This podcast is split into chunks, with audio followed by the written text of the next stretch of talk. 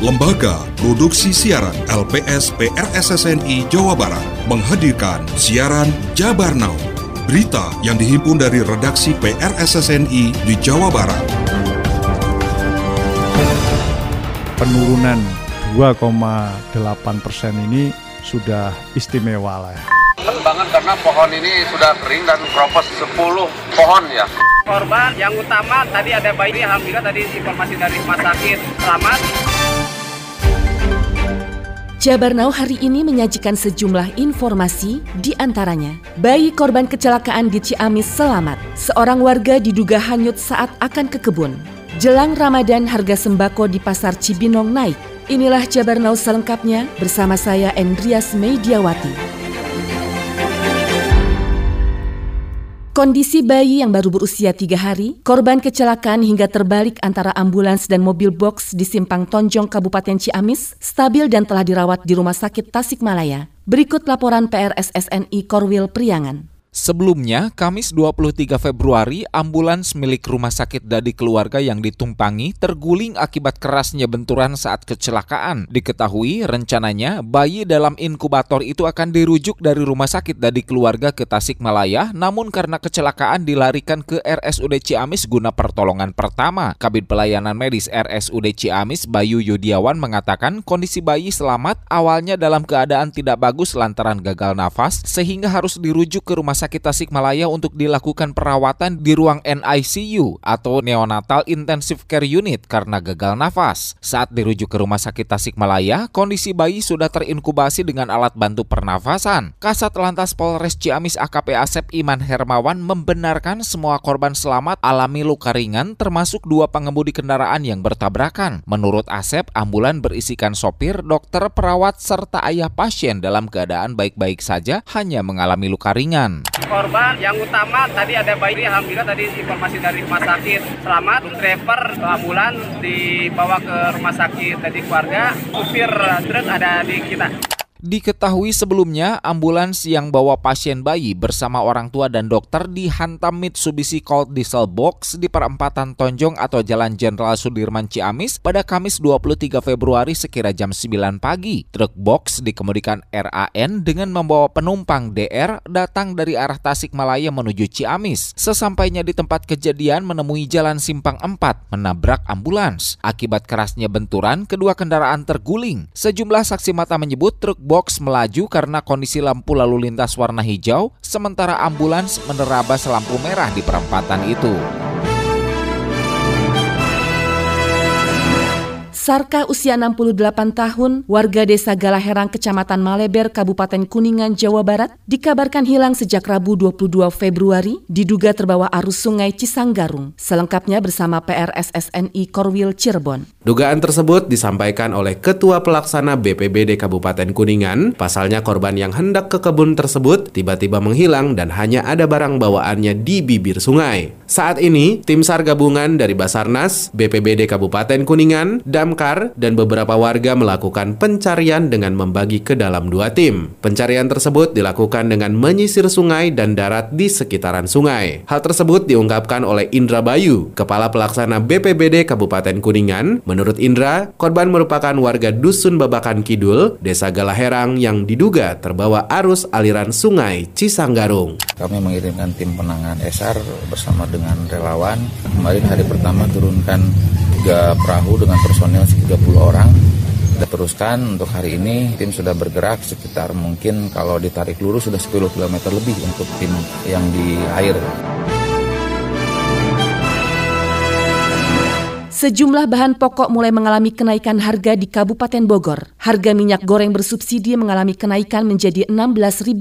Selain itu, kenaikan juga terjadi pada daging sapi, beras, dan cabai. PRSSNI Korwil Bogor sampaikan laporannya. PLT Bupati Bogor Iwan Setiawan bersama unsur terkait melakukan inspeksi mendadak atau sidak di Pasar Tradisional Cibinong Kabupaten Bogor terkait kenaikan sejumlah bahan pokok yang ada di pasar tradisional tersebut. Dari hasil sidak tersebut sejumlah bahan pokok seperti minyak goreng bersubsidi naik dari harga Rp14.000 menjadi Rp16.000. Tidak hanya minyak goreng bersubsidi, Bupati Iwan Setiawan bersama dinas terkait memantau harga beras, daging sapi dan cabai yang telah mengalami kenaikan disebabkan dari faktor cuaca. Sementara untuk kebutuhan bahan pokok pokok lainnya terbilang masih stabil. Iwan Setiawan mengatakan dirinya akan berkoordinasi dengan pemerintah pusat terkait kenaikan harga minyak goreng menjelang bulan Ramadan. PMK Bogor akan mencari solusi penyebab kenaikan harga ke beberapa agen minyak goreng yang ada di wilayah Kabupaten Bogor.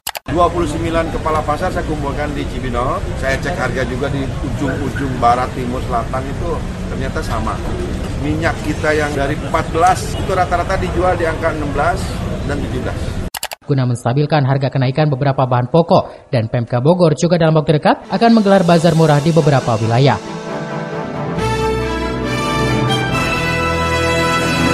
Terima kasih Anda masih mendengarkan Jabar Now yang disiarkan serentak di radio anggota PRSSNI se-Jawa Barat. Saudara, Badan Kependudukan dan Keluarga Berencana Nasional (BKKBN) merilis berdasar hasil survei status gizi Indonesia (SSGI) disebutkan prevalensi stunting di Indonesia turun dari 24,4 persen di tahun 2021 menjadi 21,6 persen di 2022. Penegasan disampaikan Deputi Bidang Advokasi Penggerakan dan Informasi BKKBN Pusat, Sukaryo Teguh Santoso, saat menjadi narasumber bincang radio PRSSNI Jabar, Kamis 23 Februari 2023. Teguh menyebut penurunan itu setidaknya menjadi penyemangat semua pihak mengingat ditargetkan 2024 harus capai penurunan hingga 14 persen. 2022 inilah yang mulai mencoba ya, pemanasan ya. Tim percepatan stunting yang sudah dibentuk di tahun 2021 dan awal 2022 sudah mulai melakukan tugas fungsinya meskipun masih meraba-raba. Tim pendamping keluarga yang sudah dibentuk dan pada awal 2022 terbentuk alhamdulillah sampai sekarang 600 ribu personil ya 200 ribu tim seluruh Indonesia. Ya. Ini juga sudah mulai dengan kemampuan minimalis yang dimiliki pendampingan terhadap keluarga dan lain sebagainya. Dan artinya sesungguhnya bahwa tahun 2022 dengan penurunan 2,8 persen ini sudah istimewa lah ya. Meskipun targetnya belum tercapai ya, karena kan nanti 2024 ini kan 14 persen. Mudah-mudahan lah ya. gitu. Guna mengetahui secara mendalam mengenai topik bahasan BKKBN dan strategi percepatan penurunan stunting, masyarakat sudah bisa saksikan langsung tayangannya melalui kanal YouTube Radio Jabar.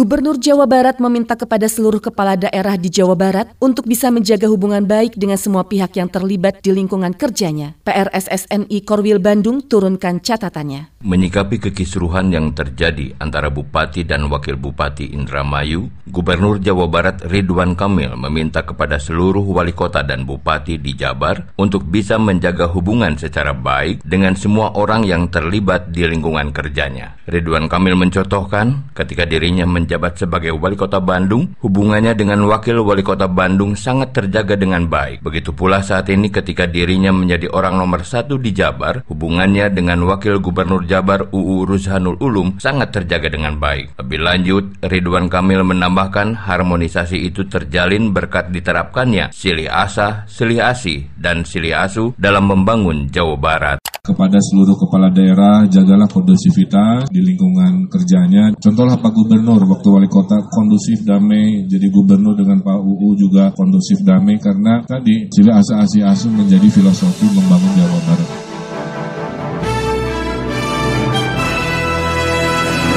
Mengantisipasi sering terjadinya pohon tumbang saat musim penghujan, puluhan personil damkar dan tim gabungan melaksanakan pemangkasan dan penebangan pohon di ruas Jalan Nasional Pelabuhan Ratu Sukabumi. Berikut liputan PRSSNI Korwil Sukabumi. Mengantisipasi sering terjadinya pohon tumbang saat musim penghujan tiba, puluhan personil damkar dan tim gabungan melaksanakan pemangkasan dan penebangan pohon di ruas jalan nasional di Cagar Alam Batu Sapi, Kelurahan dan Kecamatan Pelabuhan Ratu, Kabupaten Sukabumi. Menurut DP KPKC Evakuasi Bidang Penyelamatan Yusuf Eryadi, sebanyak 10 pohon yang dipangkas maupun ditebang oleh petugas karena dianggap bisa membahayakan para pengendara yang melintas. Terakhir ini adalah penebangan karena pohon ini sudah kering dan kropos sekitar 10 pohon ya. Pertigaan batu sapi dan jayanti ya. Cuaca kita tidak menentu ya di Kabupaten Sukabumi. Sangat riskan sekali kalau tidak ada pemangkasan dan tidak ada penembangan pohon yang sudah rapuh Terima kasih Anda telah menyimak siaran berita Jabar Now yang diproduksi oleh Lembaga Produksi Siaran LPS PRSSNI Jawa Barat.